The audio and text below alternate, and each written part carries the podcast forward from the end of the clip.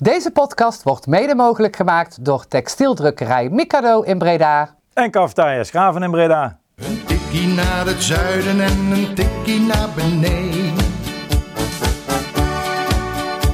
Daar wonen al mijn vrienden en daar voetbalt NAC. Laat nu de klok maar luiden, er is toch niks aan te doen. De B-side staat in vlammen en NAC wordt kampioen. Ja, welkom luisteraars bij een nieuwe aflevering van Een Tikkie naar het Zuiden, de podcast van Reds over NAC. En we zijn aangekomen bij nummer 121. Ehm, wel weer een eh, leuke show, denk ik zo, want we hebben eh, in ieder geval iemand uitgenodigd. Maar eh, voordat ik die ga introduceren, even mijn co-host van vandaag, slash gast moet ik dan zeggen, want officieel is dat zo. Levien, Goedenavond. hoe, hoe is het met je? Lekker weekend gehad zo na, na het nieuws op de vrijdag? Ik denk dat dat voor iedereen geldt. Ik heb een heerlijk weekend gehad. Ik, eh, toen ik het hoorde, viel er echt last van mijn schouders. Ik heb, eh, dat heb ik ook al eerder gezegd, ook, hè, de eerste, eerste fase was natuurlijk dat, dat City eh, afviel. Eh, toen heb ik al eens eerder gezegd, heb ik een traantje gelaten. Maar dan nog, dan denk je, oké, we zijn er bijna, we zijn er bijna, we zijn er bijna. Maar dan sleept het zich voort. En dan is het fijn als je dan nieuws krijgt dat het rond is. Nog steeds onder het voorbouw natuurlijk dat het proces definitief afgerond wordt. Maar daar maak ik niet zoveel zorgen om. Nee, dat lijkt ook niet echt bij niemand echt een, een, een, een vorm van zorg op te roepen. Hè? Dat, eh, als Nee, ik terecht er ook, want in Ja. principe je weet exact waar de KNVB gaat toetsen. Dus op het moment dat je je zaakjes op orde hebt, en ik neem aan dat eh de NAC Breda gewoon juristen betrokken heeft ge- in het hele proces, ja, is dat eigenlijk een formaliteit. Net als met de gemeente, want die hebben gewoon gezegd dat ze het oordeel gaan volgen van de, van de KVB. Precies, dus ik maak me daar niet zoveel zorgen om. Nee, nee een van de, van de dingen die natuurlijk opviel in het, eh, in het filmpje en in het persbericht eh, eh, was eh, dat NAC Breda de komende tijd graag eh, de supporters aan de hand wil nemen en meer wil communiceren over hoe alles in zijn werk gaat. Eh, en eh, nou ja, dan zeggen we daad bij, eh, bij woord gevoegd. Want gisteren hebben we hem uitgenodigd en vandaag bij ons in de studio eh Sebastian van Kuilen van uh, Breda. Goedenavond. Goedenavond. Hoe is het? Fijn, Ja, fijn weekend gehad of heel druk? Nou, het grappige is, je bent zo druk bezig gedurende het proces, ehm, dat je eigenlijk niet moe wordt. En in het weekend had ik wel zoiets van, poeh, even, even terugkijken en even uitrusten wel. Ja, ja, ja. Ik kan me voorstellen dat het een hectische tijd is geweest in dat opzicht. Hoe groot was die opluchting bij jullie toen het, toen het daadwerkelijk getekend was? Of, of was je daar niet meer bang voor dat het, dat het mis zou gaan? Nou, we hadden mm, na de meeting met, eh, met de RVC al wel een heel goed gevoel. We kregen ook tijdens de meeting al wel gewoon, eh, gewoon goede feedback. Ehm, maar ja, het is altijd afwachten ja, tot, het, eh, ja, tot het echte ja eruit komt. En, dus dat was wel, was wel een, hele grote opluchting. We wisten het wel iets eerder. Moesten natuurlijk wel wat dingen regelen nog, met persbericht, communicatie. Ehm, dus, dus we wisten het wel iets eerder. Maar de opluchting was, was bij iedereen was, was, was groot. Heb je veel eh, telefoontjes gehad als felicitaties, eh, reacties? En, eh, Ja, en ik moet zeggen dat dat heb ik ook teruggekregen van, van, de, van de vijf investeerders. Ehm, de feedback die je krijgt, de, de positieve reacties, ehm, dat iedereen wel zoiets had van ja, hier, hier doe je het ook voor. Hè? Dat je iedereen gewoon weer blij maakt, in, die, die, iedereen die na- nak een warm hart toedraagt. Ja, en dat, dat is eigenlijk de mooiste beloning die die, die je kan krijgen. Even over de bekendmaking, waar, waar veel eh, supporters nog wel over vielen. Ehm, is dat bijvoorbeeld ook niet één statement, gezamenlijk statement was vanuit zowel de RVC als NAC Breda als de oude aandeelhouders? En heb ik al wel begrepen dat dat niet helemaal jullie eh, keus was. Ehm, eh, ja, hoe hoe is dat zo tot stand gekomen? Ja, op een gegeven moment dan krijg je het bericht eh, van de RVC... goh, we gaan, eh, we gaan aan Matthijs Manders een, een, een brief schrijven... waarin we een positieve aanbeveling geven... zodat hij kan aftekenen op het, eh, op, op het proces. eh, dat, dat de koopovereenkomst getekend kan, kan gaan worden.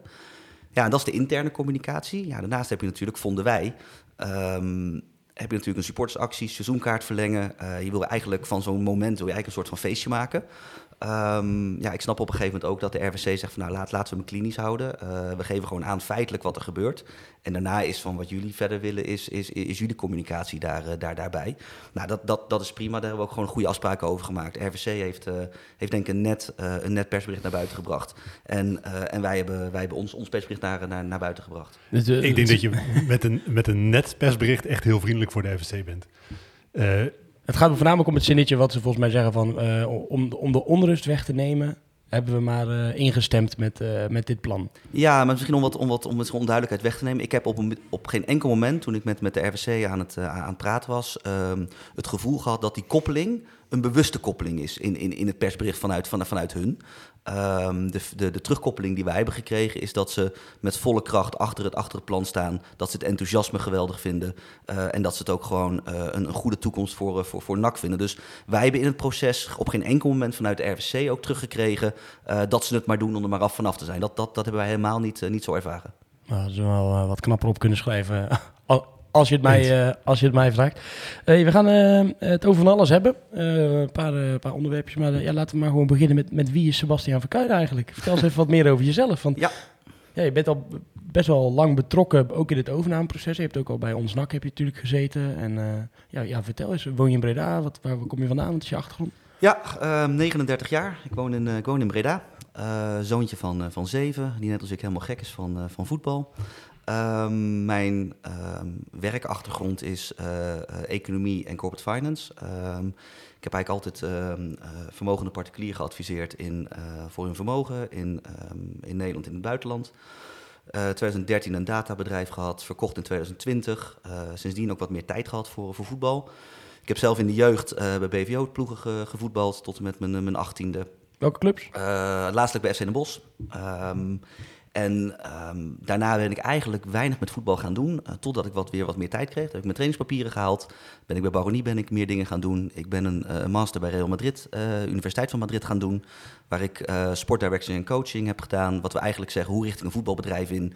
Hoe zorg ik dat de governance goed is? En hoe zorg ik eigenlijk dat afdelingen goed met elkaar wer- samenwerken. Zodat je ja, volgende stappen kan maken als teams binnen een, binnen een organisatie.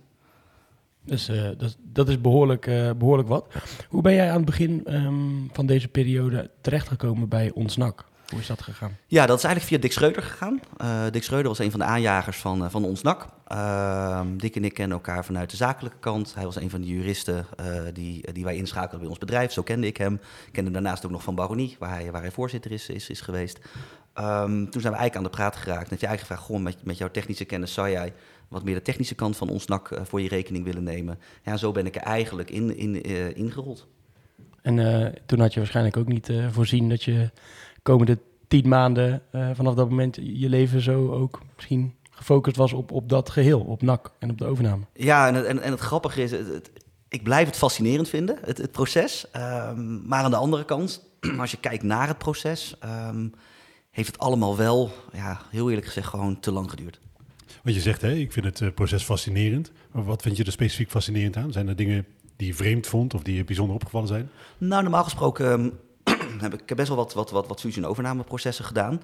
Ehm, alleen de emotie die erbij komt, komt kijken. eh, de, ehm, het, de, de, de rol van de, van, van, van de media. Hè, en terecht, hè, want, want uiteindelijk eh, zijn die ook op zoek naar nieuws. En als je, als je weinig naar buiten brengt, ga- ga- wordt er gezocht naar, naar nieuws. Ehm, ja, alle emotie die, die er omheen zit, maakte in mijn optiek dat je eigenlijk ja, heel moeilijk het proces gewoon stap voor stap kan, eh, kan, kan volgen. En ik heb ook het idee dat er heel vaak gewoon eh stilte momenten zijn geweest in het proces. Maar daar kan ik nog steeds mijn hand niet helemaal achter, eh, achter krijgen hoe dat is gegaan. Maar zeg je dan dat het feit dat het proces zo lang geduurd heeft, externe factoren heeft? Dus inderdaad de media, dat kan toch niet? Het moet ook een interne oorzaak hebben gehad dat het zo lang geduurd heeft. Nee, ik zeg dat, dat de onrust ehm, eh, deels is ontstaan door, door het extern, als er niet gecommuniceerd wordt, dat er extern gezocht wordt. Hè, dus dat, dat je een hoop onrust krijgt. En dat er intern veel stiltemomenten zijn gevallen, waardoor, waardoor de lengte is toegenomen. Ja, precies. Dus, dus de oorzaak was, de- de- er werd niks gecommuniceerd of er werd niet goed gecommuniceerd, zeg maar.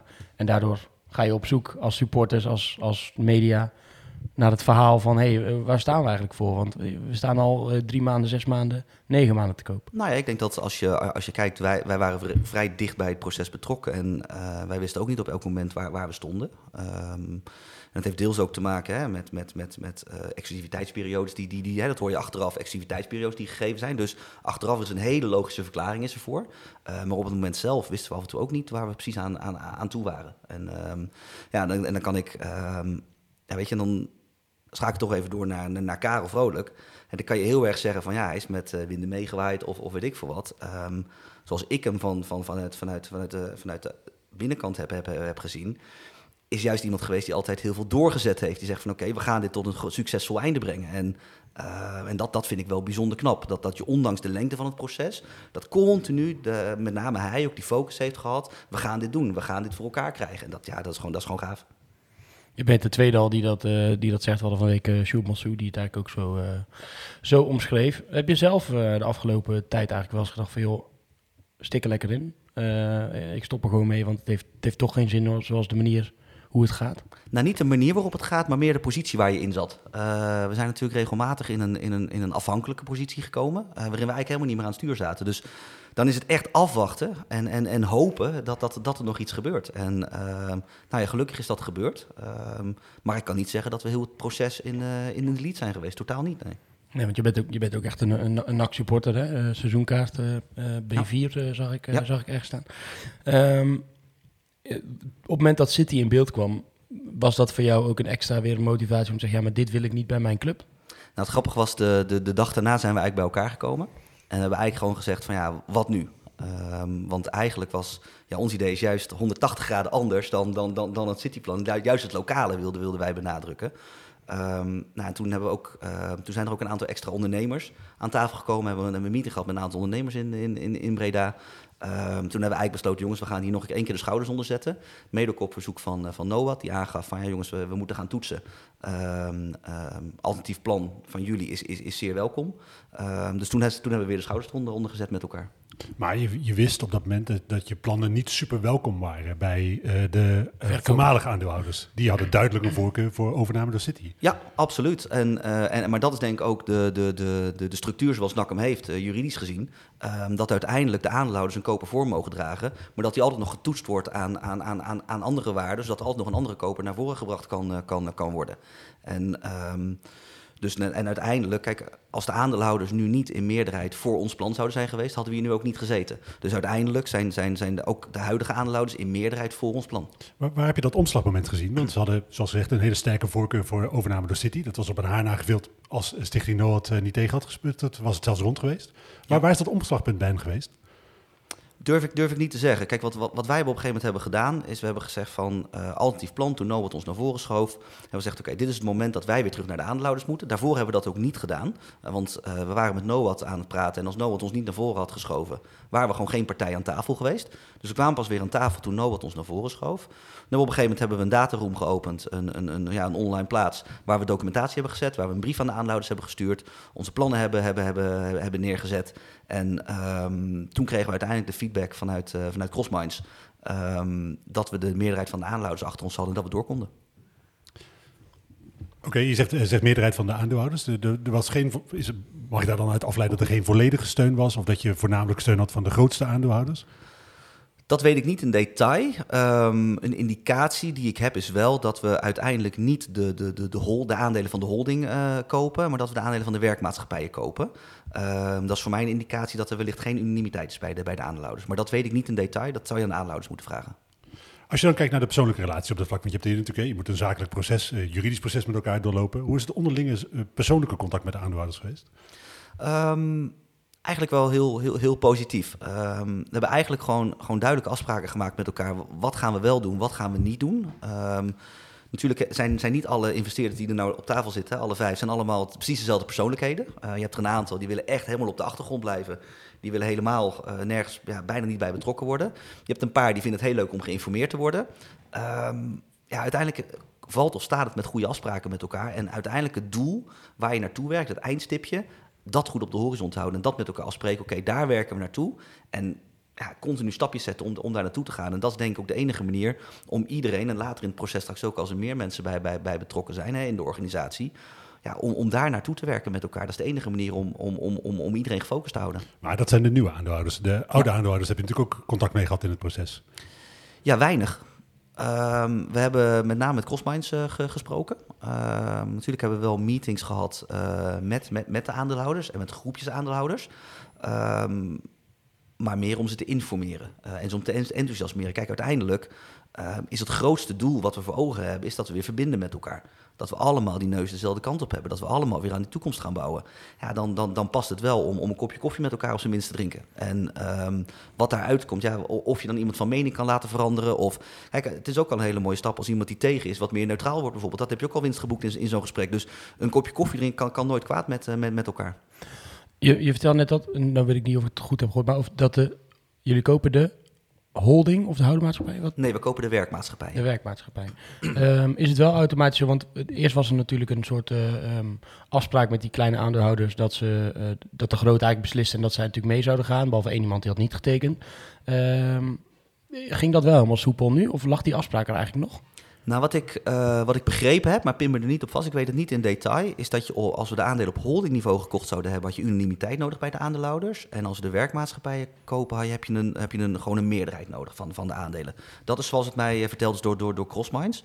Eh, de precieze ins en outs, dat, ja, dat zou je aan Crossminds moeten, moeten vragen hoe dat, hoe dat zit. Maar het belangrijkste in ieder geval, alle, alle aandelen zijn aangekocht. En, Ja, we, gaan, eh, we zijn nu bezig met de laatste. eh, we hebben natuurlijk ma- vrijdag hebben we groen licht gekregen voor de, dat, dat we door kunnen met de koopovereenkomst. Hè, dat mannen ze mag tekenen. Eh, we zijn nu de laatste dingen aan het regelen om, de, om die holding op te zetten. Dat is natuurlijk best wel complex, omdat de statuten zijn niet zomaar zoals bij een normale BV. Er zitten wat specifieke dingen in, zoals jullie weten, bij, bij, bij NAC. Nou, die moeten volledig één op één worden, worden, worden overgenomen. Ehm, en we zijn voornemens om dat woensdag afgerond te hebben. Want Thijs zegt alle aandeelhouders, het, eh, alle aandelen. Het gouden aandeel blijft natuurlijk eh, Ja, op de plek waar het nu ja. zit. Uiteraard, Ja. uiteraard, uiteraard. Wij gaan, eh, wij gaan op geen enkele wijze tornen aan de bevoegdheden die, die, die NOAD heeft. Ehm, eh, we zien ook geen enkele reden om, om dat te doen, omdat de belangen zijn volledig identiek. Het zou een broedermoord zijn, hè? Ja, precies. Dus, dus wij, wij zien geen enkele reden om, eh, om, om, om, om, om, om de bevoegdheden van NOAD op een andere manier weer te geven. Nee. Ehm, zoals ik net al zei, Sjoerd Monsoudi zat hier, eh, zat hier zaterdag. Ehm, eh, die zei, die wilde helemaal zijn rol helemaal niet groot maken. Maar die heeft wel, toen City in beeld kwam, heeft hij gezegd... joh, ik heb, wel, ik heb ze wel even gebeld.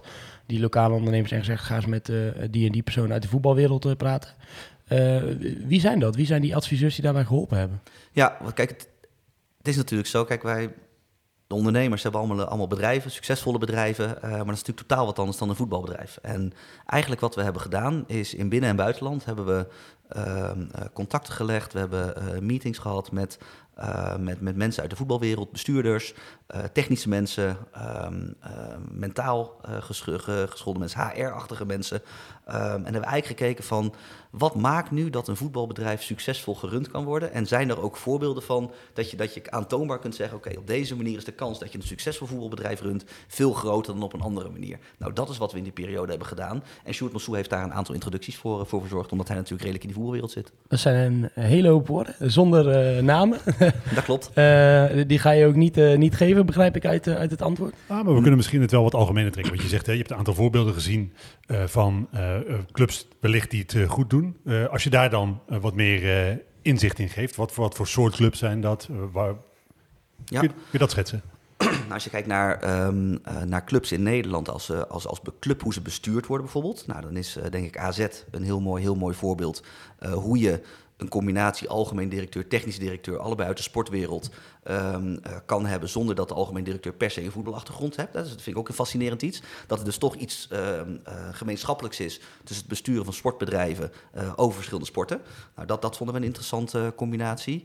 Als je het hebt over jeugdopleiding, eh, met hoofdjeugdopleiding van Real Sociedad gesproken. Hoe zorg je er nou voor dat als je een, een club bent en je wil veel jeugdspelers op het veld zetten, waar Real Sociedad in Europa echt een van de beste voorbeelden voor, voor is.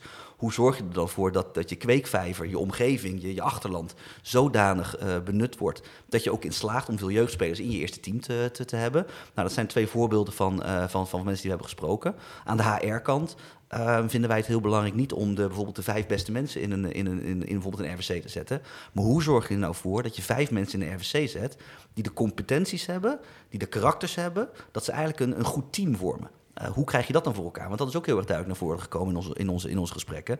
Dat het niet zo is dat als je maar vijf goede mensen bij elkaar zet, stel als bij een voetbalteam, je zet vijf goede op het veld, of elf goede op het veld, wil ook niet zeggen als je vijf goede in de bestuurskamer zet, dat je ook gewoon goed bestuur hebt. Maar is dat dan een impliciete disqualificatie van de huidige FSC? Nee, totaal niet. Het is, meer, het is meer een inzicht wat wij autonoom hebben verkregen. Dat we eigenlijk zeggen, op de, dit zijn een aantal kernwaarden die we willen brengen in, het, in, het, in, in, in de voetbalclub NAC. Laten we even naar de, naar de, naar de komende periode gaan kijken. Want ja, goed, eh, het, het eerste geluid was natuurlijk bij iedereen... Hey, oh, wat fijn, ze zijn eruit, getekend, eh, de vlaggen gingen uit. Eh, natuurlijk ook al een paar mensen die, die zeggen... nou ja, ze hebben, niet, ze hebben niet genoeg geld en de plannen zijn niet goed... en de hele mikmak, die, die zul je ook nog wel even, even houden, denk ik. Ehm, de komende periode, wat, wat kunnen we nou eigenlijk verwachten? Neem bijvoorbeeld volgend seizoen. Daar zeg je natuurlijk in het persbericht over wat jullie buiten hebben gebracht. Nou, het huidige managementteam, eh, dat wordt, ehm, wat er nu zit, dat, dat, dat mag volgend seizoen gaan, gaan inkleden.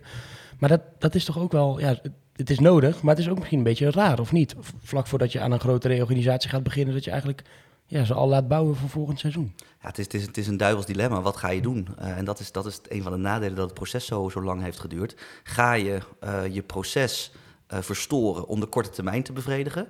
Of zeg je van nee, onze ogen zijn echt gericht op de lange termijn. En, en wij kiezen wel voor het laatste. Wij, wij vinden wel dat je, op, eh, dat je eerst een heel goed stichtingsbestuur moet... eh, maar daar komen misschien zo nog even over, de structuur. Dat je eerst van bovenaf naar onderaf moet, moet gaan bouwen. Dat is voor de lange periode. Dat betekent overigens niet dat op de korte termijn we in een volledig vacuüm terechtkomen. Hè. We hebben gewoon capabele mensen nu in het MT zitten. Ehm, ehm, Erik Hellemons die bewijst al jaren dat hij gewoon echt een goede, goed werk levert voor de, voor, voor de club. Wij zien ook geen enkele reden waarom hij dan nu eh, iets anders moet gaan doen dan dat hij dat heeft gedaan. Hij moet gewoon doorgaan met, met, met, wat, hij wil, met, met, met wat hij wil doen. Ehm, en op een gegeven moment, als de organisatie ingewild is, ja, dan zullen daar misschien wat accentverschuivingen komen. Maar dat wil wat ons betreft niet zeggen dat je nu opeens niks maar, maar niks moet doen. Nee, volgend seizoen komt eraan. Het wordt lastig. Hè? Je moet een aantal, Erik moet een aantal beslissingen gaan, gaan, gaan nemen samen met het managementteam. Ehm, ja, en we hopen dat dat gewoon nog, nog, nog op een goede manier gaat, uh, ga, ga, gaat gebeuren. Maar daar zitten natuurlijk wel een paar fundamentele keuzes bij. Uh, een linksback aanscha aanschaffen is iets anders dan een trainer aanstellen. Hoe gaat dat, toch die belangrijke positie van trainer in, aanstellen, hoe gaan jullie dat invullen? Ja, wat we, wat we met, met elkaar hebben afgesproken, want je hebt eigenlijk nu een hele gekke periode. Je hebt nu eigenlijk de periode dat we erover eens zijn dat we de koopovereenkomst gaan tekenen. Maar tegelijkertijd moet je dan ook nog even wachten tot de KNVB heeft besloten. Dus eigenlijk zijn we de beoogde aandeelhouders, terwijl de oude aandeelhouders gewoon nog de aandeelhouders zijn. En um, dat is ook een van de redenen waarom, uh, waarom Matthijs Manders gewoon nog het overnameproces ga, ga, gaat begeleiden. Je moet een statutair verantwoordelijk hebben binnen de organisatie. Nou, Matthijs is de enige die, die dat is, dus die moet dat gewoon nog even blijven. Um, um, ja, tegelijkertijd uh, hebben we wel afgesproken, ja, je hebt kleine beslissingen en wat grotere beslissingen. Nou, een beslissing zoals voor, voor een trainer, ja, dat is een wat grotere beslissing. Nou, die, die, die keuze, die gaan wij niet initiëren. Dus, dus, dus het blijft bij de technische afdeling van, van, van NAC, Erik Hellemons, hè, die daar gewoon de leiding heeft.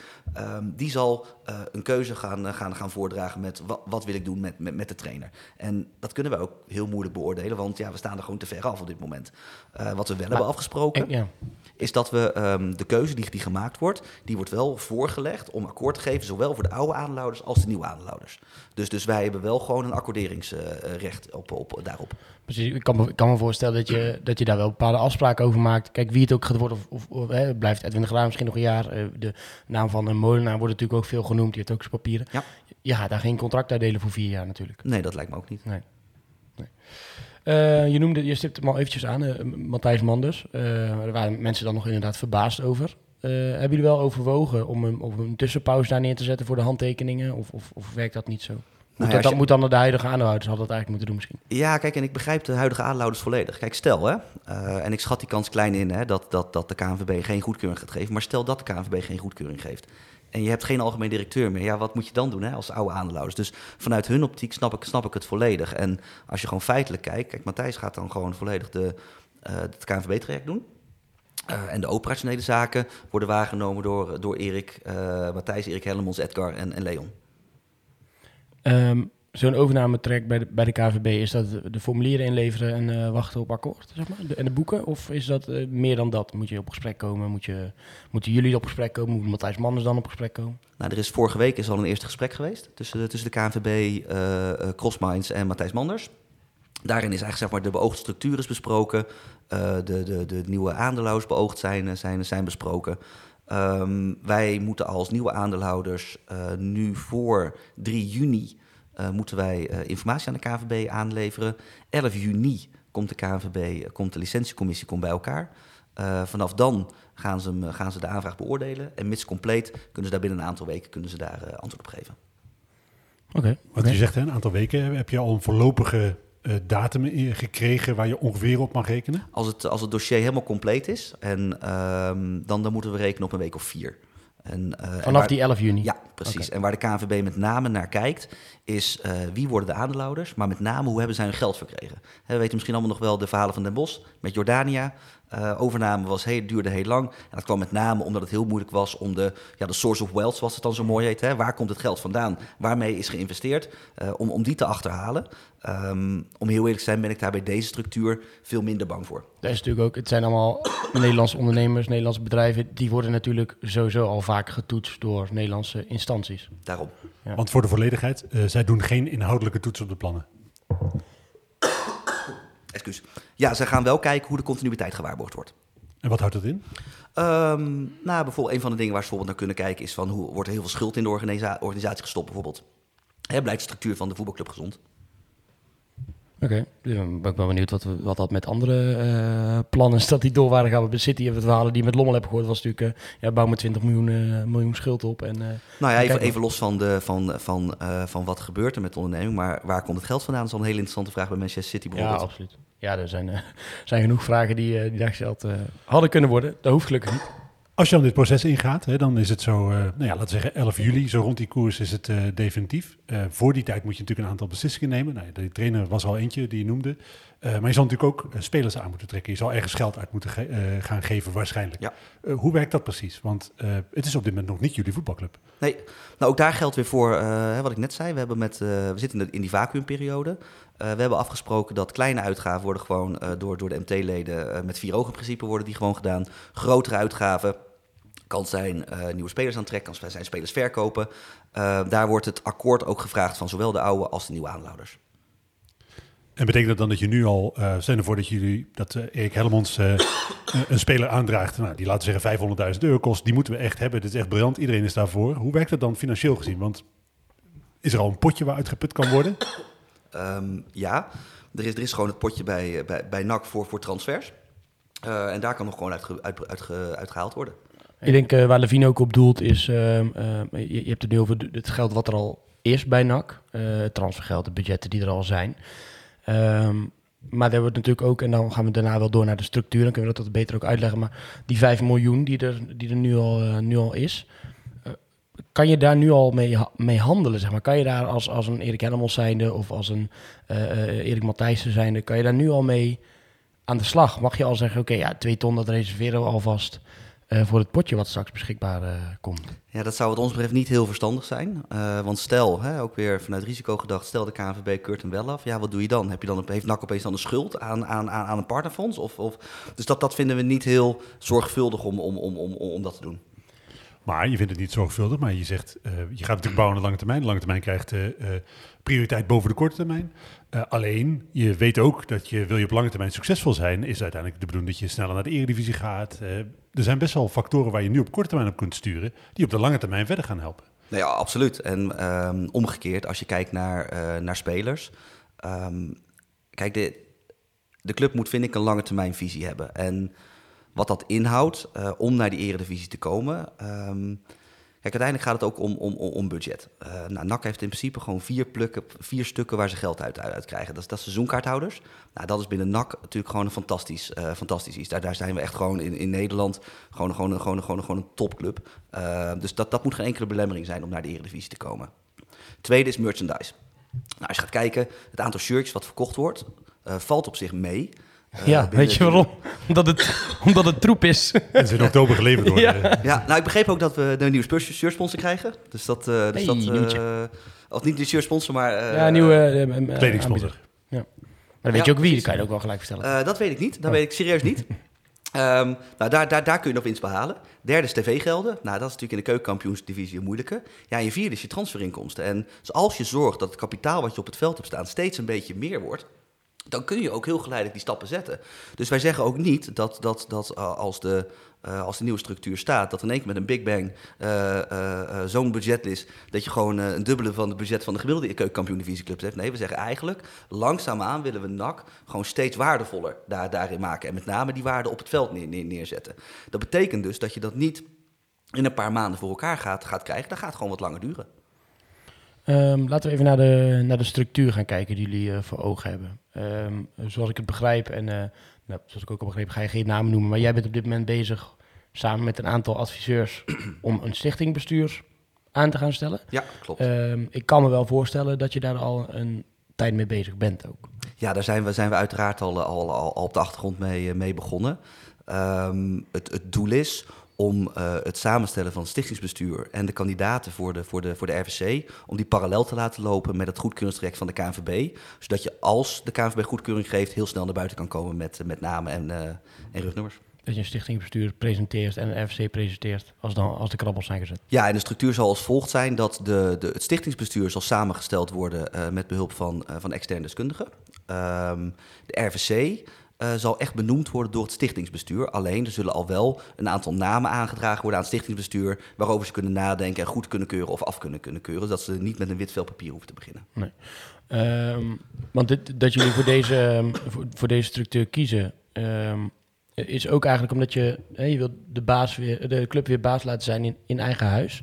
Dus je wil eigenlijk het lijntje doorknippen tussen aandeelhouders en, uh, en, de club en de, de mensen die het beleid, uh, beleid maken. Um, ja, wat. Ja, hoe ga ik dit nou goed, goed verwoorden? Um, waarom, is dat zo, waarom is dat zo belangrijk dat dat, dat, dat gebeurt? Ja, uiteindelijk, als ik gewoon kijk naar de groep van de, van de vijf investeerders, uh, die hebben allemaal gewoon geen ervaring met het besturen van een voetbalclub. Ze hebben natuurlijk succesvolle bedrijven, hebben ze heel veel ervaring in, daar zijn ze echt toppers in. Maar dat is wat ons betreft toch wel wat anders dan een voetbalclub uh, besturen. Los even van de emotie die er misschien bij, bij komt kijken. Dus eigenlijk wat je wil, is dat de club van binnenuit gerund wordt door mensen die er verstand van hebben. En uh, is het nou wel zo dat het stichtingbestuur, daar worden dan die aandelen straks ondergebracht. Uh, die stellen dan RVC aan. Kunnen die een RVC ook ontslaan? Uh, kunnen zij iets met die aandelen doen? Of ligt dat allemaal zo zwart vastgelegd dat dat niet uh, kan? Ja, als je kijkt naar de, naar, de, naar de bevoegdheden van het stichtingsbestuur, zijn er twee. Het eerste is beheren van de aandelen. Uh, op basis van unanimiteit mogen ze beslissingen nemen op, op, de, op de aandelen. en dan nog heb je no wat ertussen zitten. Um, daarnaast uh, mogen zij de RVC-benoemingen mogen zij goedkeuren of afkeuren. Ze mogen niet zelf kandidaten voordragen voor de RVC. Wie, wie draagt die dan wel voor? De RVC zelf. Oké. Okay. Oh, zo. Dus maar de, de, eerste keer worden ze wel geïnstalleerd en dan daarna... Exact, omdat je dan ja. nog geen, nee, nog geen RVC die zichzelf kan nee, aanstellen. Uh, precies, logisch, logisch. Um, uh, die aandelen, die willen jullie eigenlijk het liefst ooit helemaal terug uh, naar de club. Maar dat, ja, dat is financieel, uh, fiscaal gezien nog een, een, uitdaging, geloof ik. Ja, kijk, een um, uh, beetje technisch, maar uiteindelijk moet, er wel een, uh, moet je wel zakelijk blijven met elkaar. Nou, we hebben nu heel simpel een overnamesom. Um, dus als we in één keer die aandelen terugschenken, ja, zit daar gewoon een fiscale component zit, zit daar aan. Ja, dat, dat is zonde. Dus we hebben eigenlijk gezegd, hoe kunnen we nu hetzelfde bewerkstelligen zonder dat we, uh, dat we eigenlijk gewoon uh, een heel duur rondje moeten, moeten, moeten, moeten, maken. Uh, en dat is eigenlijk door het splitsen van het economische eigendom en de zeggenschap, zodat de zeggenschap volledig bij het stichtingsbestuur komt, komt te liggen. Dan... Uh, als, nou, die aandelen trouwens 7,1 uh, miljoen. Je zegt je zit in de ongeveer 7,1 miljoen. je zit in de, um, in de overnames in de, in de zakelijke markt. Heb je wel eens achter oren gekrapt en gedacht: hé, hey, waar, waar betalen we, of ze eigenlijk, hè, voor? en is dat wel een faire prijs? Ja, aan de ene kant wel natuurlijk. aan de andere kant moet je ook zo reëel wezen dat zowel Manchester City als de Amerikaanse partij bereid was om hetzelfde bedrag te bepalen. Dus uiteindelijk ja, doet de markt daarin wel, wel zijn werk. Um, kijk, objectief gezien, um, als je puur naar de balans kijkt, is, is NAC dat niet waard. Um, omgekeerd, NAC is natuurlijk wel een club met zo'n enorme supportersachterban... Uh, dat je je ook kunt afvragen waarom het het niet waard is. Zit in, zit wat in. Uh, het tweede bedrag wat natuurlijk uh, rondging is, is die 5 miljoen. Het potje van, van 5 miljoen. Ja. Kan jij eens even voor de, voor de luisteraars die misschien financieel wat minder onderlegd zijn uitleggen... wat er nou met die 5 miljoen gedaan kan worden... en wat daar de afspraken voor zijn op het moment dat NAC zegt... joh, wij willen graag een half miljoen in de, in de jeugdopleiding investeren. Wat, wat gaat NAC dat dan kosten? Ja, um het is inderdaad zo dat we beginnen met een partnerfonds waarin de vijf investeerders hebben gegarandeerd dat dat bedrag minimaal 5 miljoen gaat, gaat, gaat zijn. Um, dat bedrag proberen we zo groot mogelijk te maken en dat doen we door fundraising. Dus we proberen gewoon in de zakelijke markt, proberen we gewoon, met, uh, uh, proberen we gewoon mensen uh, bereid te, te, te, vinden om mee te doen in, in het partnerfonds. Net als de vijf investeerders. Nou, hoe meer mensen meedoen, hoe meer geld erin komt, hoe meer je als club kunt, kunt, kunt doen. Ik hoorde van, vandaar ook wel een beetje dat, dat we aan het schrapen zijn. Um, ja, fundraising is wat anders dan schrapen. We gaan geld ophalen en hoe meer geld, hoe beter. En, de, en, dat wil niet zeggen dat we niet tot die 5 miljoen komen, want dat is gegarandeerd door de, door, door de vijf investeerders. Nou, op een gegeven moment, wat ga je met die 5 miljoen doen? met die 5 miljoen wil je eigenlijk de jeugd en de infrastructuur naar een hoger plan brengen. Je wil eigenlijk het geld investeren in de organisatie met als doel dat de organisatie beter gaat fungeren, betere spelers voortbrengt, dus ook meerwaarde gaat, gaat, gaat, gaat creëren op het veld, zodat je de volgende stap kunt zetten. Dat is het doel met, met het geld. En aan gedacht kan dan worden aan bijvoorbeeld, uh, met Erik Helmels wel eens over gehad, stel je Erik Helmels ziet bij, bij de onder 16, bij, bij een andere BVO-club, ziet hij een hartstikke goede speler die hij heel graag wil hebben, ja, dan moet je een opleidingsvergoeding betalen. Nou, dat is meestal zo'n 7 tot 10.000 euro. Op dit moment kan NAC dat niet doen. Nou, misschien is dat wel een hele goede investering om te doen. Uh, nou, dat, dat kun je met een partnerfonds doen. Een tweede wat je kunt, uh, kunt doen, is misschien um, sommige, um, uh, sommige spelers in het eerste hebben misschien wel behoefte aan mentale coaching. Waardoor ze beter gaan, gaan, gaan, gaan voetballen. Nou, door een mental coach neer, neer, neer te zetten, kun je, dan die, kun je dan weer de volgende stap gaan zetten. Aan de algemene kant is het misschien wel goed om een communicatiemanager neer te zetten. Nou, allemaal dat soort dingen om de organisatie sterker te maken. Kun je, kun je uit die 5 miljoen kun je, kun je putten. Waar het eigenlijk niet voor bedoeld is om echt transferbudgetten mee te doen als een soort spelersfonds. Daar is het nou net niet voor bedoeld. Maar dan zeg je daarmee eigenlijk ook, eh, als NAC zich eh, in die zin zelf moet bedruipen, zelf uh, moet ontwikkelen, dan kun je eigenlijk dus als supporter zijn op korte termijn ook niet superveel sportief succes verwachten. Nee, en dat is ook wat ik zeg. Hè. Kijk, we uiteindelijk hebben is de club gekocht met een lange termijnvisie. En, en laten we nou alsjeblieft niet, uh, als, als er drie wedstrijden achter elkaar verloren worden, uh, allemaal in mineur gaan zijn dat het allemaal niet goed gaat. Laten we wel de focus houden waar we naartoe werken met elkaar. En dat vraagt ook iets van de organisatie van NAC. Hè, dat er gewoon duidelijk gecommuniceerd wordt waarom er bepaalde dingen gebeuren. Waarom er misschien dingen niet goed gaan. Hè, want er zullen ongetwijfeld de komende periode uh, dingen niet goed gaan in de nieuwe organisatie. Ongetwijfeld. Alleen dan is de vraag, hoe leer je ervan en hoe ga je het de volgende keer beter doen? Als je daar gewoon eerlijk over bent, ja, dan is er, is er, is er niks om voor weg te lopen maar, in mijn optiek. Jij bent zelf ook NAC-supporter. Uh, we spelen al een aantal jaar KKD. Uh, de belofte van City en uh, de, ik ben die Amerikanen, de naam van die... GFC? Geen idee hoe ze precies precies Global Football Company. Die beloofde mij eigenlijk ook op korte termijn sportief succes. Die gaan, hup, we gaan investeren, we gaan naar de Eredivisie, Europees voetbal, de sky is the limit. Ja. jij biedt mij een beetje een karige versie van, daarvan. Ja, of, of misschien bied ik jou wel de eerlijke versie er, ervan. ik, als je gewoon kijkt, hoe, hoe kan je nou een gezonde voetbalclub opbouwen uh, die in staat is om zijn eigen broek op te houden? Want dat moeten we ook niet uit het oog verliezen. Kijk, het is, het is heel makkelijk gezegd, we stoppen er 7 miljoen in.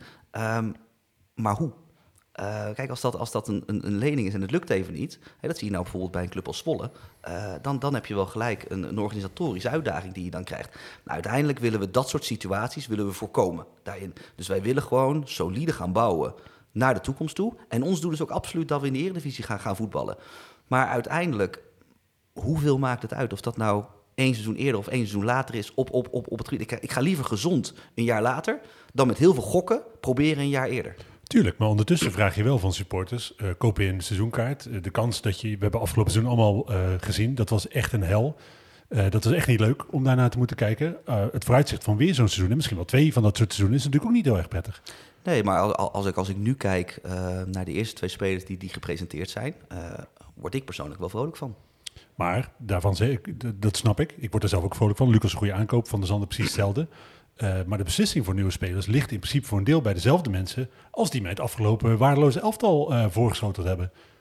Ja, ik moet heel eerlijk zeggen, ik, ik, ik, ik ken de besluitvorming, hoe die vorig jaar is gegaan, ken ik niet super goed. Uh, wat ik nu wel weet, is dat, uh, is dat er gewoon goed uh, heel veel aandacht aan wordt besteed om juist spelers te halen. Daar wordt echt goed, goed werk aan besteed op dit moment, wat ik te horen krijg. Maar dat is natuurlijk een, niet onvervelend toe, maar in principe is dat een antwoord van niks. Want dan zeg je, ofwel er is vorig jaar geen aandacht aan besteed, dan wel andere mensen nemen die beslissingen. Hoe, hoe, hoe zit het precies? Ja, wat, wat, wat ik eigenlijk zeg is, als je een goede organisatie inricht en je hebt goed aandacht voor welke spelers wil ik waar halen, dan zie ik geen enkel probleem om, om voor NAC een goed elftal neer te zetten. En of dat volgend jaar al leidt tot, tot, tot promotie naar de eredivisie, dat, dat durf ik echt niet, niet, niet te zeggen. Maar op dit moment is die organisatie er nog niet. Nee, dat klopt. Daarom durf ik ook nu niet te zeggen of volgend jaar al het resultaat wordt gehaald. Wat ik wel kan zeggen, is dat natuurlijk, want dat is NAC aan haar stand verplicht. En er is ook niks wat erop wijst dat NAC minder uh, financiële mogelijkheden heeft dan, dan het afgelopen, afgelopen seizoen, dat er niet weer een heel respectabel elftal op de been gebracht kan, kan worden. Want als je kijkt gewoon naar spelersbudget, uh, afgelopen jaar in de keukenkampioen-divisie was, is NAC gewoon iets lager geëindigd dan dat het spelersbudget is. En, en eigenlijk ben je wel aan je stand verplicht om minimaal op de plek te, te, te eindigen hoe je spelersbudget is. Maar er zijn eigenlijk op, deze, op dit moment niet echt garanties voor. Of, eh, en dan heb ik, het, heb ik je antwoord niet goed begrepen. Worden de beslissingen dan nu anders genomen dan die vorig jaar zijn, zijn genomen? Al, Ja, dat weet ik dus niet, omdat ik vorig jaar niet, niet, niet, niet bij was. Ik zie alleen dat hoe op dit moment bijvoorbeeld Erik Hellemons aan het werk is. Ehm, ehm, daar word ik wel vrolijk van. De, de, de, de vraag is een beetje, heeft Lex Schoenmakers junior zijn laptop eindelijk gevonden of heeft hij hem voorgoed dichtgeklapt? Ik denk, dat is een beetje wat je eigenlijk wil, hè, ongeveer bedoelt. nou ja, of heeft eh, Matthijs Manders daar een grote stem heeft in gehad. Hoe is dat precies gegaan? Eh, omdat, want dat is natuurlijk wel zo. Hè. Ik, ik, snap, ik heb ook vertrouwen in Erik Hellemons als persoon. Ik vind het een kundig vakman voor waar hij voor aangesteld is. Het leiden van de jeugd. Maar het is niet per se een prima technisch directeur. En de mensen om hem eh, heen, Lex Schoenmaker junior, nou, hoofdscout. Ik moet zeggen dat ik daar in de periode dat ik bij NAC is niet bijzonder veel van gezien heb. Eh, ja, Erik Matthijs is natuurlijk een technische man. En dan blijft er niet heel veel over aan voetbalkennis. Een commerciële- Of sorry, commerciële man ja. bedoel ik. Er blijft niet heel veel voetbalkennis over. De twee mensen die dan voor het voetbaltechnische gedeelte verantwoordelijk zijn de komende periode, bij afwezigheid van een organisatie die nog opgetuigd moet worden, ja, die hebben mij afgelopen jaren niet echt overtuigd met de aankopen die ze gehaald hebben. En dan hebben ze weliswaar een groot spelersbudget, maar dat hebben ze de afgelopen, afgelopen twee jaar niet per se goed gespendeerd. Nee, maar als ik, als ik gewoon kijk waar wij, waar wij de focus op leggen, is, hè, dan kom ik weer terug op wat ga je eerst doen? Ga je met heel veel kunstgrepen proberen om, om de hele korte termijn echt hard te beïnvloeden? Of zeg je van nee, we willen gewoon de organisatie van boven naar beneden goed inrichten? Ja, wij kiezen echt voor, echt voor het tweede. Omdat je anders, de, de kans te groot is in mijn optiek, dat je echt paniekvoetbal gaat, gaat spelen. En het is ook niet zo eh, dat op dit moment geen kennis in de organisatie aanwezig is om spelers te halen. En, en eerlijk gezegd, zeg maar, als ik erover nadenk, dan is ja, jullie, jullie kunnen misschien ook niet anders nu, want je bent nog, nog geen eigenaar. Dus je, Precies. het, wat je nu doet is eigenlijk, je vraagt al goedkeuring voor de beslissingen. Dat, dat wordt dan al gegeven. Dat is misschien het maximale wat je, wat je nu kan doen. Ja, maar stel je eens voor dat je nu, dat je nu nog aandeelhouder bent en, en, en, en je hebt continu in het achterhoofd, stel dat de goedkeuring van de KNVB niet wordt gegeven. Ja, dan ga je toch niet de sleutel van je onderneming ga je toch al helemaal weggeven. Dat, dat, ik snap dat volledig van de, van de huidige aandeelhouders. En daar, daar moeten we ook gewoon met z'n allen gewoon begrip voor hebben. En, ehm, en het is nou eenmaal zo dat doordat het proces gewoon lang heeft geduurd, zit je gewoon in deze situatie dat je eigenlijk al volle bak aan het voorbereiden moet zijn op het nieuwe seizoen. En dat er nu een aantal beslissingen ja, later worden genomen dat je, dat je gewoon eigenlijk had willen nemen. Maar je zegt eerder, we, op dit moment eh, het stichtingsbestuur en de RVC, die processen lopen een beetje parallel, de mensen daarvoor eh, zoeken. Betekent dat dan ook dat je nu ook daar parallel aan eigenlijk al aan het rondneuzen bent voor wie de algemene technisch directeur worden? Ja, heel, heel globaal. Maar dan moet de, FC, de, de FC moet dat natuurlijk dan doen. Zeker, maar ik, Ja. je kan me voorstellen dat je daar ook vanuit het eh, oogpunt dat je, eh, je zegt zelf, ik wil snel die organisatie opgetuigd hebben, dat je daar wel ook vaart achter zet. Heb je daar een deadline voor jezelf in je hoofd wanneer eh, een algemene technisch directeur aangesteld moet zijn? Ja, we zijn, waar we nu met name bezig zijn, is de, is de profielschets hè, van, van de algemeen directeur en de technisch directeur. Eh, zodra de RVC is geïnstalleerd, kunnen we daar gewoon heel snel stappen in nemen. En wat is heel snel? Poeh, dan moet je denken aan weken, denk ik. Dus dan eh, even rekenend, eh, laten we zeggen 10, 11 juli dat die beslissing genomen is eh, en dat het een akkoord, definitief akkoord van de KNVB is. Dan wil je dus nog voor het sluiten van de transfermarkt, 1 september, eigenlijk al je mensen op eh, eh, hun plek hebben zitten. Ik denk dat 1 september een goede streefdatum is, inderdaad. Dat is dan eh, een goed antwoord. Nog twee dingen over het, eh, over het fonds. Eh, ehm, ik vroeg me ook even af hè, of, of je dat uit kon leggen. Wat kost het nou op het moment dat NAC eh, gebruik maakt van een half miljoen, van een miljoen... om, om, eh, nou, om de hengel zeg maar, te kopen in plaats van dat je de supporters de vis geeft? Om maar even Ja. een bekende... eh, want dat, ja, dat is eigenlijk wat je doet, hè? Eh, je, je geeft iemand een, een hengel in plaats van een, een vis. Ehm, wat, wat kost dat de club? Ja, Want mensen zeggen, ja, het is wel weer een lening, zeggen ze dan. klopt. En, ehm, en, en, en binnen de KNVB is het zo dat wat wij, het laatste wat wij willen is, is dat we de club volzetten met schuld. Want het heeft punt 1, heeft dat direct gevolgen voor je, voor je, voor je scoren, hoe stabiel je als voetbalclub bent. En het tweede waar het direct voor gevolgen heeft, is dat de club gewoon in liquiditeitsproblemen kan komen. Nou, beide wil je voorkomen. Dus de lening wordt als volgt inge- inge- ingestoken. Het is een lening van 15 jaar, waarop de eerste 10 jaar geen aflossing verschuldigd is, alleen rentebetalingen. Nou, de rentebetaling is alleen eh, van toepassing als de club operationeel een positief resultaat maakt. Dus winst draait, even in makkelijke termen gezegd. En vanaf jaar 10 moet tot en met jaar 15 de lening lineair terugbetaald worden. Dat wordt voor over het geld wel eens opgenomen. Tenzij de club het operationeel niet kan, niet kan dragen, dan wordt de lening, de afbe- afbetaling gewoon doorgeschoven. Zodoende zorg je er dus voor dat onder KVB-voorwaarden dat de lening als eigen vermogen wordt gezien. Dus dat, het, dat, dat de club geen schuld heeft. En NAC kan nooit in financiële problemen komen door de lening. eh, omdat als de club het niet kan betalen, hoeven ze het ook niet te betalen. En wordt de aflossing en de rentebetaling doorgeschoven. En ehm, wat zijn dan voorwaarden, zeg maar? Je zegt, ja, ze moeten het kunnen dragen. Kan je daar zelf voorwaarden aan stellen? Is dat, is dat op het moment dat we 5 miljoen hebben, kunnen we een deel afbetalen? Of als we 10 miljoen hebben, of als we 15 miljoen op de, op de rekening hebben staan, dan pas hoeven af te betalen? Of is dat ja, elke euro die je vanaf jaar 10 kan missen om kiet te draaien, moet naar die lening? Nou, in principe, in principe als je stel dat je 5 miljoen hebt, opgenomen en hij moet in vijf jaar terugbetaald worden, moet je ieder jaar 1 miljoen terugbetalen. Nou, stel dat je geen 1 miljoen terug kan betalen, maar 5 ton dat jaar, dan betaal je 5 ton terug in plaats van een miljoen en, en, en schuif je die andere 5 ton schuif je door. Thijs gebruikt net al een beetje de analogie van de visser en de, eh, de, de hengel. Nou is natuurlijk zo dat NAC een visser op een lekker boot is.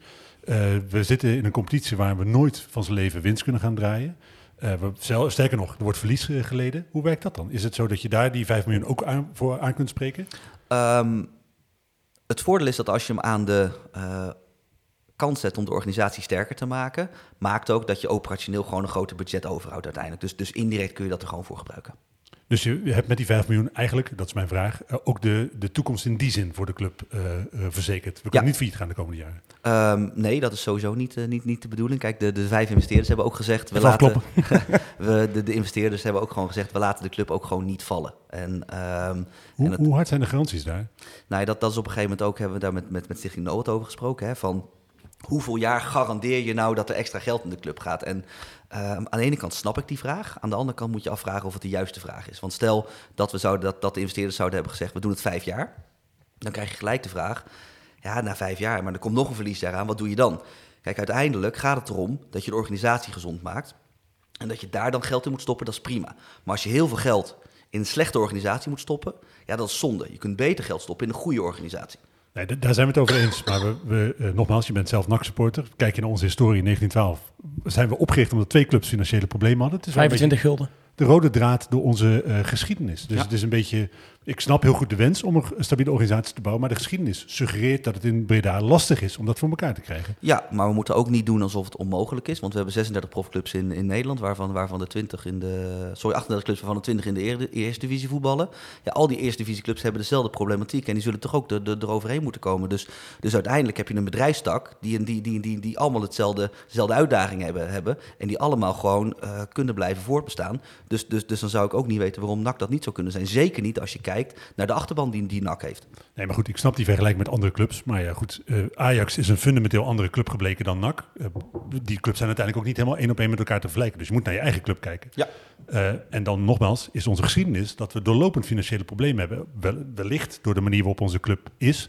De kolonnes die natuurlijk altijd genoemd worden. Ja. Hoe Je, je zal er toch iets van zekerheid moeten geven voor de lange termijn als je die club nu overneemt. Nee, absoluut. En, en dat is ook wat de, eh, wat, wat de investeerders hebben gezegd. We, la- we laten de club niet, niet vallen. En, en, en dat is ook een stukje vertrouwen eh, wat, wat zij vragen. Ehm, kijk, hoe je het ook bent of verkeerd. eh, zij steken wel hun, hun nek uit om, om hè, puur uit clubliefde. Ehm, dus ik denk dat een beetje vertrouwen daarin ook gewoon op zijn plaats is. Absoluut. Dat, maar is het zo dat daar dan, want je zegt hè, je wil geen afspraken maken specifiek voor een bepaalde periode of een bepaald bedrag wellicht. Eh, wat voor vorm heb- eh, hebben die afspraken dan? Of heeft dat vertrouwen dan? Is dat gewoon simpelweg elkaar als volwassen man in de ogen kijken en elkaar de hand schudden? Of zitten daar wat meer formele afspraken onder? Nou, binnen, binnen de, de, de groep van aanlouders zijn er wel wat formelere afspraken over, over gemaakt, uiteraard. Ehm, eh, naar buiten toe eh, is het ook gewoon, ook gewoon een stuk vertrouwen. Omdat uiteindelijk, ehm, wat je ook garandeert, het is altijd een jaar te weinig. En, en, daar, en, en, en dat, is, dat is een situatie die, die je nooit op kan lossen. Dus er zal ook een stukje vertrouwen moeten zijn. En een tweede stuk waar, wat, je, wat je gewoon moet hebben, is dat je gewoon moet zorgen dat je kapitaal op het veld hebt staan. Dus stel dat je in een probleem komt, dat je, dat je een situatie hebt van dat je vijf ton eh, eh, moet vrijmaken, om het zo maar even te zeggen. Dat je altijd de mogelijkheid hebt om bij wijze van spreken iets met een speler te doen in je, in je selectie. Dat je zegt van oké, dan verkopen we gewoon een, een speler daar, daar, daarin. Dat is natuurlijk niet uit luxe, maar stel dat je dat moet doen, dan heb je wel die mogelijkheid zonder dat je gelijk in de financiële problemen gaat, ga- gaat komen. Kijk, een situatie waarin je afhankelijk wordt ieder jaar met je handje ophouden om maar een tekort af te dekken zonder dat je er operationeel in de organisatie iets mee doet, is echt een hele ongezonde situatie. En daar moet je denk ik zeker niet naartoe. Aan de andere kant is het zo dat als je kijkt naar de clubs die op dit moment succesvol zijn, eh, Europees gezien, nou ja, Manchester City is er natuurlijk een, een voorbeeld van, zijn dat bij uitstek eh, clubs die hun hand ophouden, waar heel veel geld van externe partijen ingepompt wordt. Ja.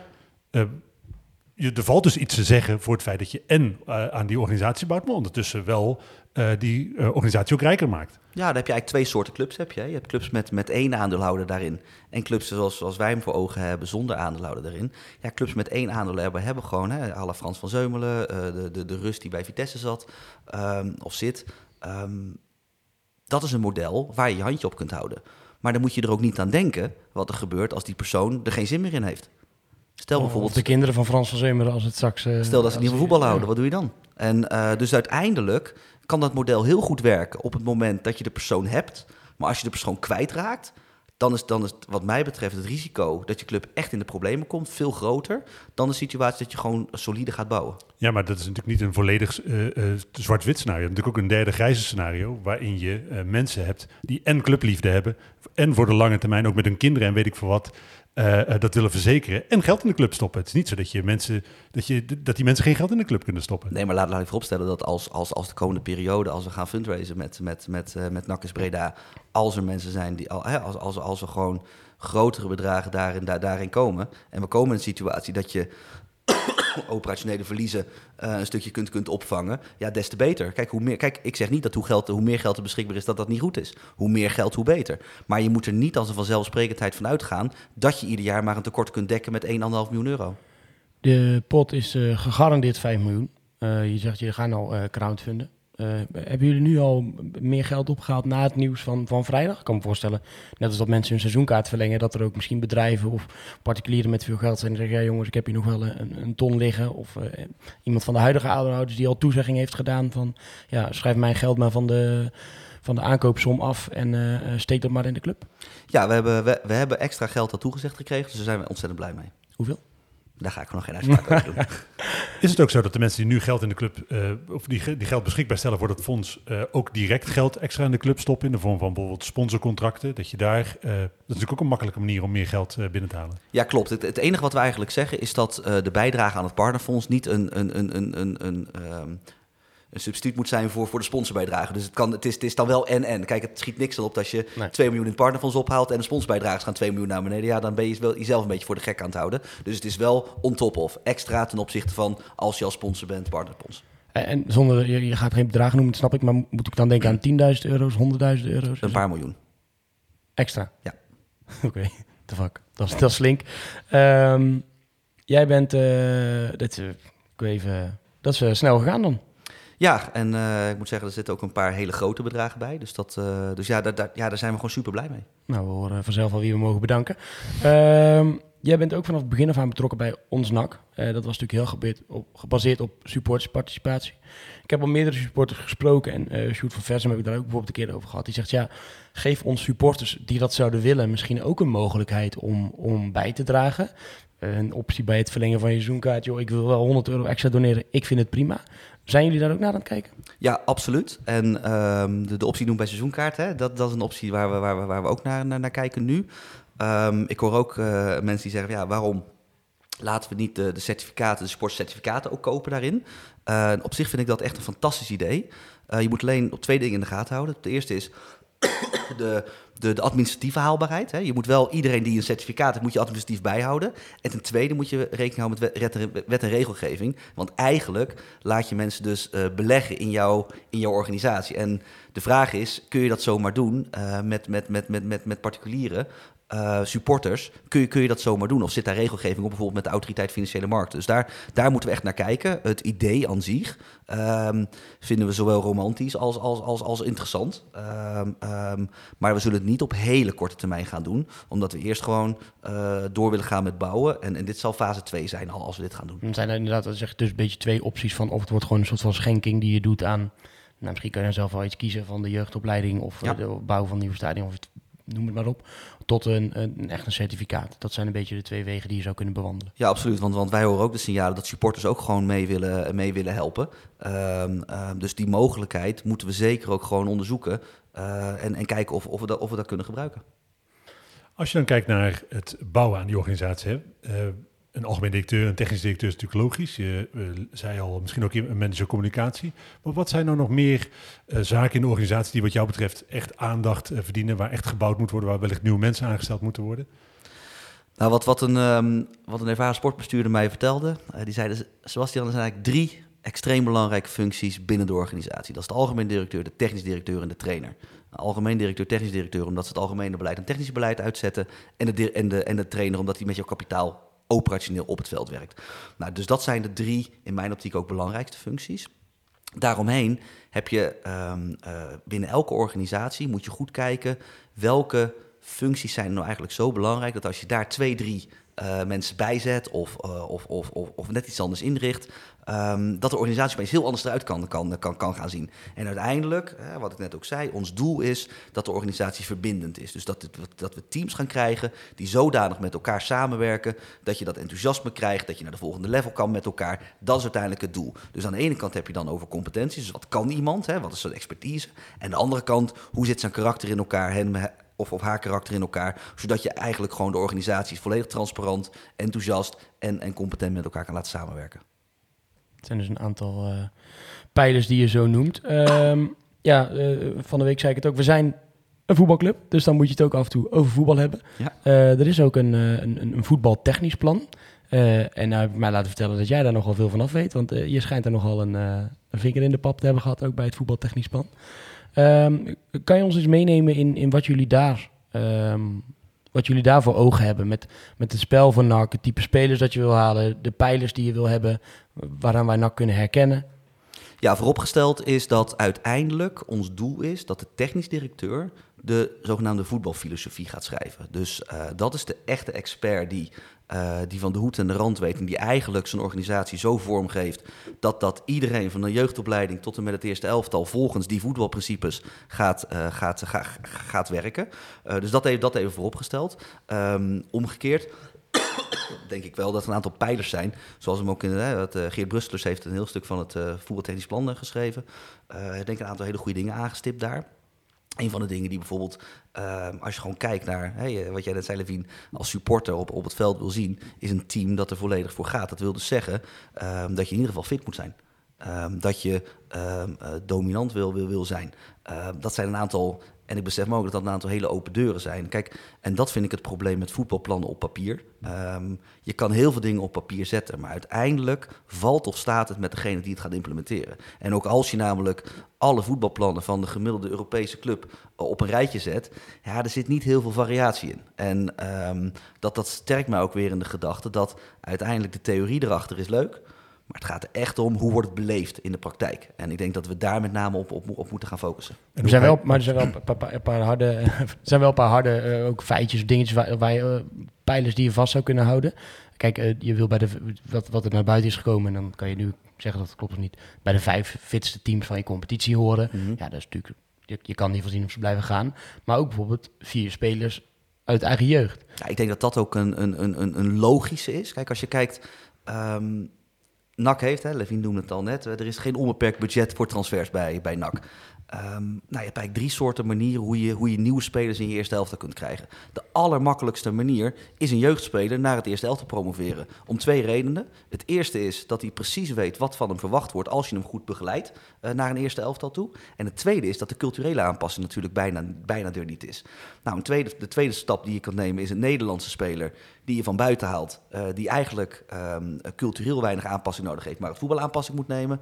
En de moeilijkste aanpassing die je kan nemen is een, is een speler uit, een buitenland halen, die eigenlijk de cultuur en de voetbalkant uh, moet, moet, moet, moet aanpassen. Dus dan is het in mijn optiek logisch dat je zoveel mogelijk uh, jeugdspelers in je eerste elftal neer, neer gaat zetten. Nou, ook daar geldt weer voor. Dat kun je heel makkelijk op papier zetten. Maar de vraag is, hoe ga je het dan in de praktijk, ga je het beleven? En, en er zijn gewoon genoeg clubs die dat in de praktijk kunnen brengen. Kijk, um, voor de jeugd voor NAC geldt dat ze vanaf een onder 19 of onder 21 naar een eerste elftal is natuurlijk een behoorlijke stap. Maar wat denk je van een stap als je van de A1 van, of de onder 19 van Ajax naar een eerste van Ajax moet gaan? Nou, als die erin slagen om dat voor elkaar te krijgen, weliswaar soms met een tussenstap van jonge Ajax, um, waarom zou NAC het dan niet voor elkaar moeten, moeten krijgen? En als je gewoon kijkt hoe de organisatie in de jeugdopleiding nu zit, op welk niveau de spelers gaan spelen, gegeven het beperkte budget waar de jeugdopleiding mee moet werken, is al ontzettend knap. Nou, als je daar misschien nog wat optimalisaties in kan aanbrengen, dan is wat mij betreft geen enkel probleem om, uh, om, om die ambitie van jeugdspelers te doen. En dat moet ook, want je kapitaal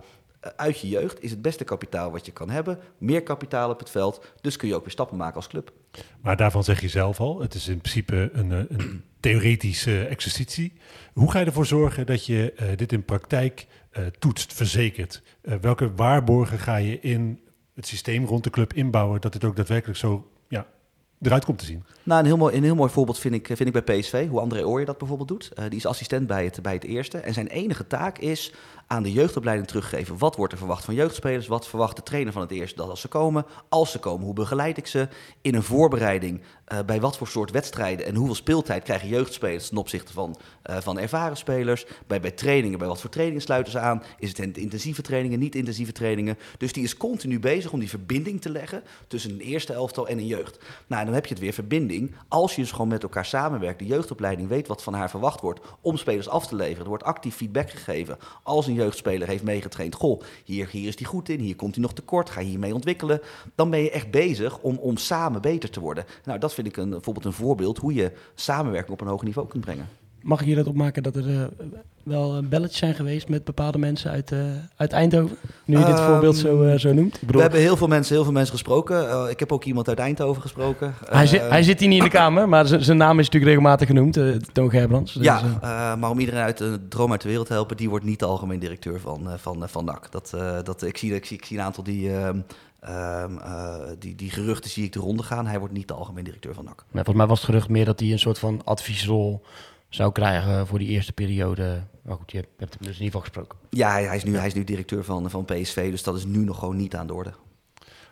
Je noemde uh, net hè, die, die, die verbinding tussen de jeugd en het eerste elftal. Dat is natuurlijk een onderdeel. Uh, op een ja, wat, wat groter perspectief heb je natuurlijk ook de technische directeur die de lijn uitzet. Kijken we naar de recente geschiedenis van NAC, dan hebben we allerlei soorten technische directeuren, allerlei soorten algemeen directeuren gehad. Uh, hoe zorg je daar dat uh, je daar niet alleen de juiste mensen aanstelt, maar dat je ook ja, een beetje op het juiste spoor houdt? Hoe verzeker je die cultuur? Ja. Nou, ik denk dat, um, en er zijn ook heel veel studies naar gedaan, hè, um, een technisch directeur, is dat één persoon? Is dat een team? Ik denk als je, als je in de huidige tijd kijkt wat er van een technisch directeur wordt gevraagd, um, dat je niet moet denken in de technisch directeur als een persoon, maar dat je meer moet denken in welke taken in het voetbalbedrijf moeten gedaan worden en welk team zet je daarop en wie gaat nou welke taken oppakken. Een technisch hart. Ja, je zou het een technisch hard, technisch team of hoe ja, je noemen. Hoe dat tegenwoordig uh, maar je hebt gewoon een aantal taken die, die, die, die, die je wilt doen. Um, nou, iedereen heeft zijn competenties daar, daar, daarbij. En je hebt gewoon een manager die, die, die, die het overziet en die dus iedereen op het juiste spoor houdt daar, daar, daarin.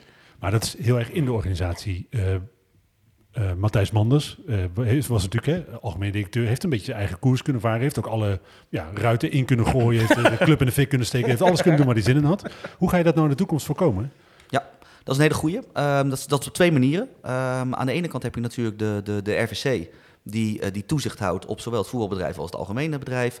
Um, en dat willen we doen op basis van echt kengetallen. Dus niet op basis van, uh, van, van we drinken een kopje koffie en we kijken even hoe het gaat. Nee, echt keiharde kengetallen, daar wordt op gestuurd. Dat is ook gewoon real-time inzichtelijk. Dus je kunt echt gewoon kijken, hoe staat de club er financieel voor? Hoe worden spelers beter gemaakt? Wat is de waarde van mijn selectie? Hoe zit het met budgettering? Dus dat je daar veel beter op, op kunt sturen. Maar dat heeft ook te, te maken dat je in de RVC competenties moet, moet, moet hebben... die aan de ene kant het voetbalbedrijf goed kunnen monitoren... en aan de andere kant de competenties heeft om het commerciële, het financiële, het juridische... op een goede manier te kunnen, te kunnen, te kunnen, te kunnen bekijken. Um, uh, dus dat is één manier waarop we dat, dat, dat, dat kunnen waarborgen. Het tweede waarop je het waarborgt, is dat je met een directiereglement gaat, gaat werken. Waaraan zowel de AD als de TD zich, zich moet houden. En waarin heel duidelijk omschreven staat: wat is iedereen zijn verantwoordelijkheden? Wat mag wel, wat mag niet. Dat is natuurlijk een, een redelijk klinische uh, weergave van uh, het runnen van een voetbalbedrijf. Inderdaad, sturen op kengetallen, juiste mensen aanstellen, juiste competentie aan tafel. Maar je kunt natuurlijk niet de emotionele component uh, rondom NAC uh, ontkennen. Hoe, hoe, ga je dat managen? Want er, is, ja. er zijn veel mensen voor jullie plan, maar er zijn ook duidelijk een aantal mensen tegen jullie plan. Die mensen ja. zijn die, natuurlijk niet morgen opeens stil. En dat vertrouwen, hè, wat je zegt, je noemde net het vertrouwen van ja, je moet een beetje vertrouwen uh, ook hebben. Dat is natuurlijk flink geschaad de afgelopen jaar. Ja, nou ja, laat ik het zo zeggen. Het, het, het vertrouwen is, is in zoverre geschaad. En ik denk ook uh, uh, meer geworden dat iedereen in de situatie is gekomen hè, van er liggen meerdere plannen op tafel, dus je kan een voorkeur daar, daar, daarvoor hebben. Dus ik besef me te degen dat, dat, dat, dat zeker niet iedereen voor ons plan is. Uh, het enige wat wij kunnen doen is ja, ons stinkende best doen om te laten zien dat we het allerbeste voor hebben met de club. Transparant communiceren wat we aan het doen zijn, waarom we het aan het doen zijn. Ja, en dan kan je het er niet mee eens zijn. Maar je kan het ons niet ontzeggen dat we er niet eerlijk over zijn. En, en ik denk dat dat een eerste basis is. Een tweede is natuurlijk, voetbal is, is, is aan de ene kant is een emotie. Maar we moeten ook niet vergeten dat het aan de andere kant wel een topsportbedrijf is. Uh, dus um, intern moet het echt een topsportbedrijf zijn. Extern moet je alle begrippen hebben voor de emoties die, die eromheen hebben. En dan heb je ook een rol bijvoorbeeld van een algemeen directeur... die ook gewoon dat gesprek aan moet, moet kunnen gaan met, met, met, met, met, met de supporters... met, met sponsoren, et cetera. Dus, dus, dus, dus dat, dat zal ook een van de belangrijke competenties zijn... die een algemeen directeur moet, moet, moet, moet hebben in onze optiek. Het is heel interessant, want ik hoor je een aantal keer dingen zeggen... waarvan ik denk, als je dan terugkijkt naar de afgelopen jaren... dat is echt het precies het tegenovergestelde heb ik gezien. Want net zoals bijvoorbeeld de algemene directeur... die is op een gegeven moment heeft besloten... ik communiceer niet meer. Ik uh, communiceer niet meer. De huidige en ik kom ook niet meer. Nee, precies. Ja, maar als ik, als ik bijvoorbeeld even, even naar mijn eigen bedrijf kijk, uh, sowieso naar de medewerkers. Als je, als je, en dan zeg ik niks over Matthijs Mans, want daar ben ik niet bij geweest. Uh, Hij ook niet. Maar als ik, als, als ik gewoon puur naar mijn eigen, gewoon op mezelf en naar mijn eigen bedrijf kijk. Je kom, als je niet communiceert met, je, met, je, met de mensen die met je werken, ja, dan kun je niet verwachten dat ze, dat ze een topprestatie leveren. Als je niet communiceert met de buitenwereld, dan weet je ook niet wat er speelt. Weet je ook niet hoe je hoe je, hoe je, je gedrag erop kan aanpassen om, om, om maximaal nut te, te, te, te bereiken. Dus, dus in onze optiek is communiceren gewoon extreem, extreem belangrijk. En um, uh, als dat niet is gebeurd, ja, dat kan een keuze zijn geweest. Dat, daar ben ik gewoon niet bij geweest. Ik kan alleen maar zeggen dat, dat wij vanuit onze optiek dat wel belangrijk vinden. Als je dan kijkt naar de komende periode, want je schetst een aantal uh, zaken dat die wanneer ze goed uitpakken, NAC echt verder gaan brengen. Maar waar zie je nou voornamelijk valkuilen voor jullie in dit traject? Ja, de, de, de eerste valkuil is, um, is toch als het in het beginfase gewoon sportief tegen gaat zitten. Uiteindelijk, heel simpel, je bent een voetbalbedrijf. Uh, voetbal is een stuk emotie. Als dat tegen zit, ja, juist in een periode dat je iedereen weer wilt verbinden, moet je juist voorkomen dat iedereen weer verder uit elkaar waaiert. Dus, dus, dus hoe, de sportiviteit is, is, is, is enorm belangrijk. En het tweede is, uh, uh, je kunt situaties als bijvoorbeeld met COVID wat we hebben gehad, ja, dat zijn gewoon externe omstandigheden die veel geld eh, kosten. Um, uh, ja, dat, dat, dat, dat zou vervelend zijn, want dat leidt weer af van de plannen die, die, die je wilt bouwen. En een derde is, uh, we doen heel veel werk nu om die organisatie echt goed in te richten. Um, daar doen we echt, echt, ons, echt ons best voor. maar een 100% garantie kun je nooit geven. Dus wij zouden het heel vervelend vinden als juist het kernpunt waar wij op zitten, hè, de organisatie goed inrichten, ja, als, als daar dan scheurtjes in zouden komen. Dus daar zijn we extra scherp op dat dat niet gebeurt.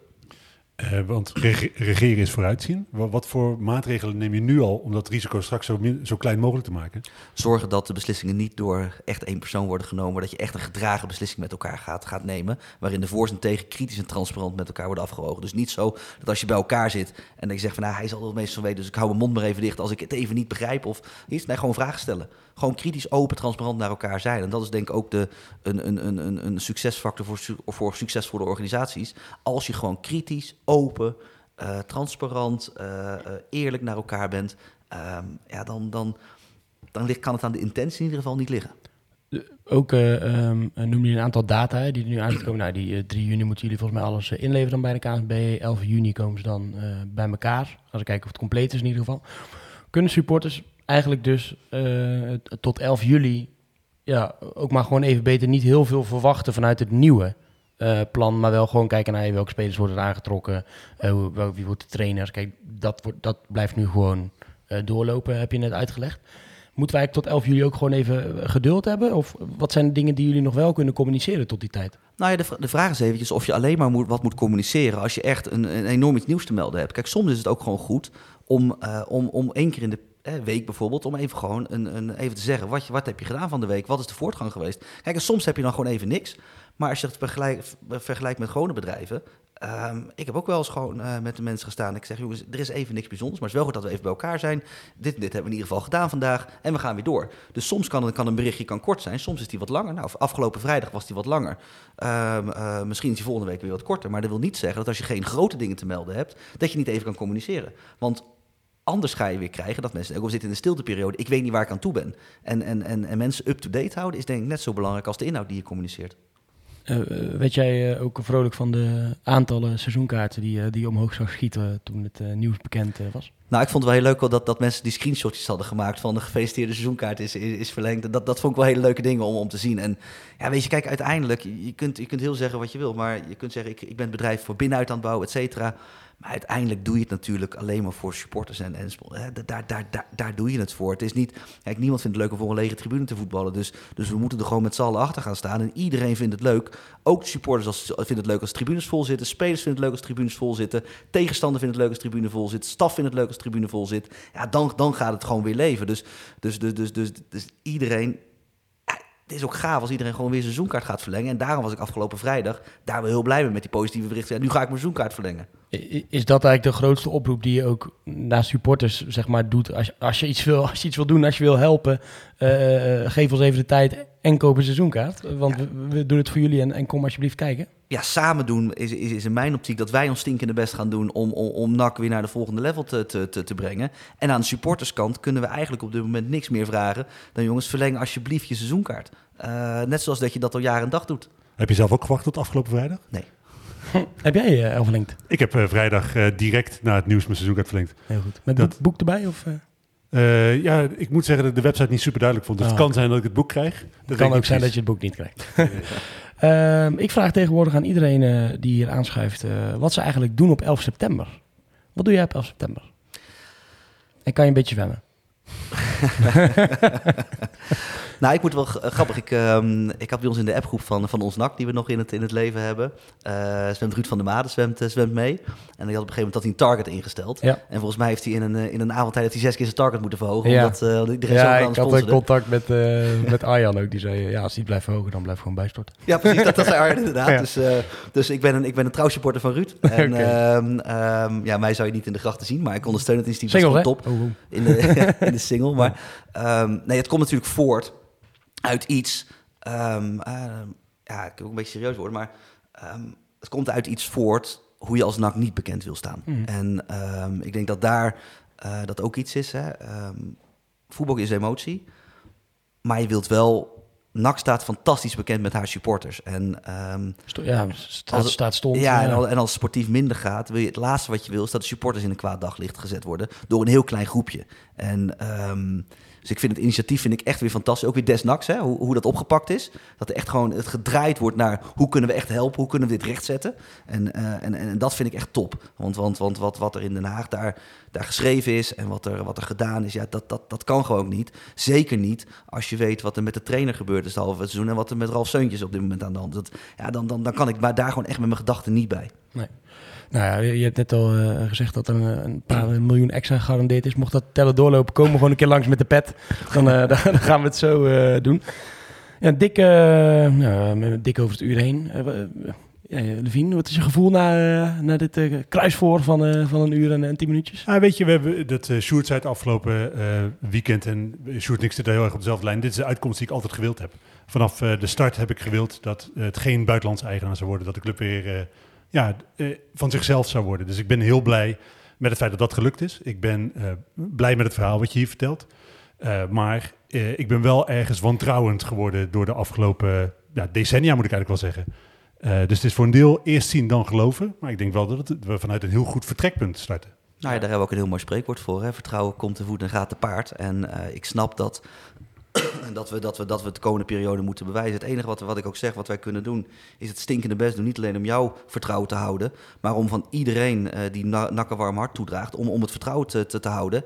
En, en, en, en daar, dat, dat is onze enige incentive. Kijk, de, je kunt ons niet verwijten dat ons incentive geld verdienen is. Uh, want als, uh, dat, dat is maximale clubliefde wat, wat, wat, wat je nu ziet. Um, en, en, en nu gaan we echt ons stinkende best doen om die organisatie goed te bouwen. Kijk jij ooit naar de, naar de periode dat je eigenlijk weer als alleen, misschien alleen als supporter op de tribune zit en niet meer als de, een woordvoerder of een, of een, een beleidsmaker, adviseur. Ja, absoluut. Want dat betekent dat, het, dat de periode afgerond is en dat eigenlijk de organisatie staat uh, zoals we hem voor ogen hebben. En, uh, en dan hebben we er gewoon heel veel vertrouwen in.